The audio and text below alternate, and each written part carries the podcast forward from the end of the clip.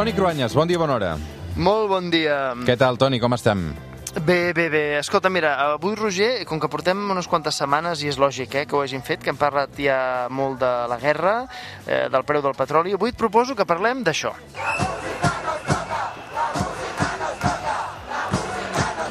Aquest és un dels grans temes d'aquesta setmana i de la que ve també és la vaga i les manifestacions de mestres i de professors, reivindicacions a banda.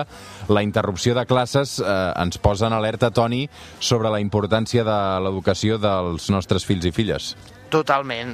Mira, com que en el fons del debat hi ha el model educatiu, avui he pensat que podríem veure quina ha estat la història i, i l'evolució de les escoles a Catalunya. Potser això ens ajuda a veure les virtuts i les mancances de l'ensenyament actual. Mm. Escolta'm, eh, cada diumenge amb el Toni Cruanyes analitzem la història amb un fet d'actualitat, amb una notícia. Avui la notícia són les escoles. L'escola és un pilar fonamental de totes les societats del món, però no sempre ha estat així. Remuntem-nos a la història, Toni. A veure, l'antiguitat, des de la prehistòria i, de fet, fins a l'edat moderna, a, a la majoria de pobles i ciutats del món, l'educació dels infants era feina de tota la comunitat. Els adults, amb el seu exemple, eren el mirall pels nens, però no només la família, tota, tota la tribu. D'aquí ve el respecte degut ancestral per la gent gran. De fet, encara avui hi ha un proverbi africà que resumeix aquesta filosofia. Cal tot un poble per educar un infant.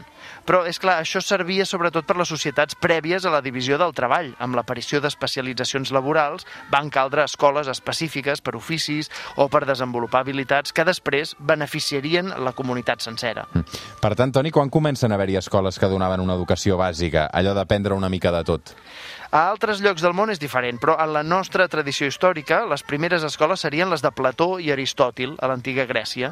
Eren escoles privades, només per fills de famílies riques i d'aristòcrates, i l'objectiu era que tinguessin això que deies, una idea general, en aquest cas doncs, d'humanitats, de filosofia, de matemàtiques. I ara marxem cap a l'edat mitjana, on les ordres religioses cristianes són la base més clara de l'escola catalana. Sí, els monestirs van ser el principal centre de cultura a Europa, on l'educació i la religió anaven de la mà. A veure, des de l'inici de les religions monoteïstes, basades en un text escrit, com la Bíblia, l'Alcorà dels musulmans o la Torà dels jueus, els sacerdots eren també instructors, educadors. Per tant, a l'edat mitjana el que passa a Catalunya és herència d'aquesta tradició de segles i de molts altres llocs del món, i encara al segle XX. És per aquesta tradició que hem d'entendre que nosaltres, o, o els nostres pares i avis, van ser educats per capellans i monges. A Catalunya hi ha una llarga tradició històrica d'ensenyament religiós i, i de qualitat, Toni. Home, n'hi ha moltíssims exemples. Des de Ramon Llull, per exemple, que des de la religió va estudiar el cosmos, les altres llengües, les creences musulmanes, o la Universitat de Lleida, que va ser la primera de Catalunya, fundada al segle XIV, i sobre l'ensenyament més bàsic també va ser català Sant Josep de Calassans, fundador de l'Escola Pia, al segle XVI. Els escolapis formen part de la tradició escolàstica a Catalunya, com els maristes. Clar, tot això, a veure, tinguem-ho clar, eren escoles per nens. Per les nenes es feia ensenyament a banda, que normalment portaven monges.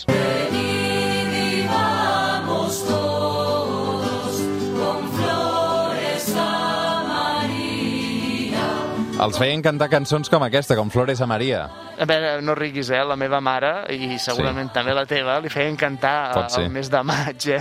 Ara això sona ridícul, però al segle XVIII a les noies o no les portaven a l'escola, o si ho feien era per aprendre a cosir, a netejar i, i a fer les feines de la llar. En canvi, en paral·lel als nois eh, es va seguir innovant, no? Eh, Un dels noms propis va ser Baldiri Reixac, que va escriure una mena de manual per mestres l'any 1749. Eh, Feia compatible la religió amb els valors ja propis de la il·lustració. El llibre es deia Instruccions per l'ensenyança de minyons, en català. És significatiu que les formes tradicionals i de l'Església es feien en català i que quan per primer cop es va regular l'educació fora de l'Església es va fer obligatori en castellà. Això devia tenir veure amb el decret de nova planta i la prohibició oficial del català. Exacte. L'any 1857, el ministre liberal espanyol, Claudio Moyano, va regular els plans d'estudis i va convertir l'ensenyament primari en obligatori i universal, però en castellà. I no va ser fins a la Primera i Segona Repúbliques que a Catalunya es va desenvolupar ja una forma revolucionària d'ensenyament, l'anomenada Escola Nova, basada en aprendre fent, en, en tenir en consideració la psicologia de cada nen, en formar persones ètiques amb l'objectiu de millorar la societat. Un dels pedagogs més revolucionaris revolucionaris van ser eh, Francesc Ferrer i Guàrdia. En aquella època es va començar a aplicar el mètode Montessori, que provenia d'Itàlia, en què es posava per damunt l'aprenentatge intuïtiu de l'alumne, per sobre del càstig, fins i tot físic, que s'havia fet abans i, i que després tornaria amb el franquisme. I els nostres avis i pares eh, van aprendre amb el nodo la propaganda franquista i les escoles religioses. Sí, la sintonia del nodo, ara la sentíem, podria ser la, la, la banda sonora d'aquella època, i ja no seria fins als últims anys del franquisme que l'escola catalana tornaria a reneixer amb noms com Rosa Sensat o Alexandre Galí. Eh, van reprendre de l'època republicana l'impuls del català, de la coeducació i també l'auge de les escoles laiques.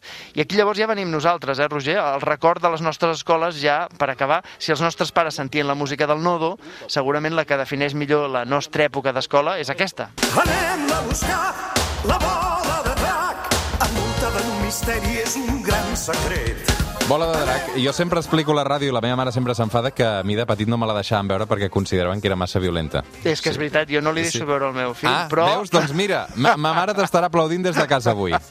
però en canvi jo sí que l'havia vist. Clar. Jo diria, jo diria, si m'ho permets, que és gairebé com un himne per les primeres generacions de l'escola ja posterior. Però és que, a més a més, és, és una cançó amb una lletra extraordinària. Puja, puja, ja veuràs. Si poder viatjar, l'aventura comença ara. Anem a buscar, anem, anem, Anem, anem, anem. anirem per Te, mars te la sa- en Mars i Mu- te la saps, no? Una mica, Toni, o no? No cantarem. Mm, la veritat és que- No? No, no, no cantarem. A tu no que te la cantarem. van prohibir t'ha quedat més Sí, que clar, mi. no, perquè després he hagut de recuperar tots els capítols ja de, de preadolescent, pràcticament. Bé, Toni, bon diumenge, una abraçada. Bon diumenge.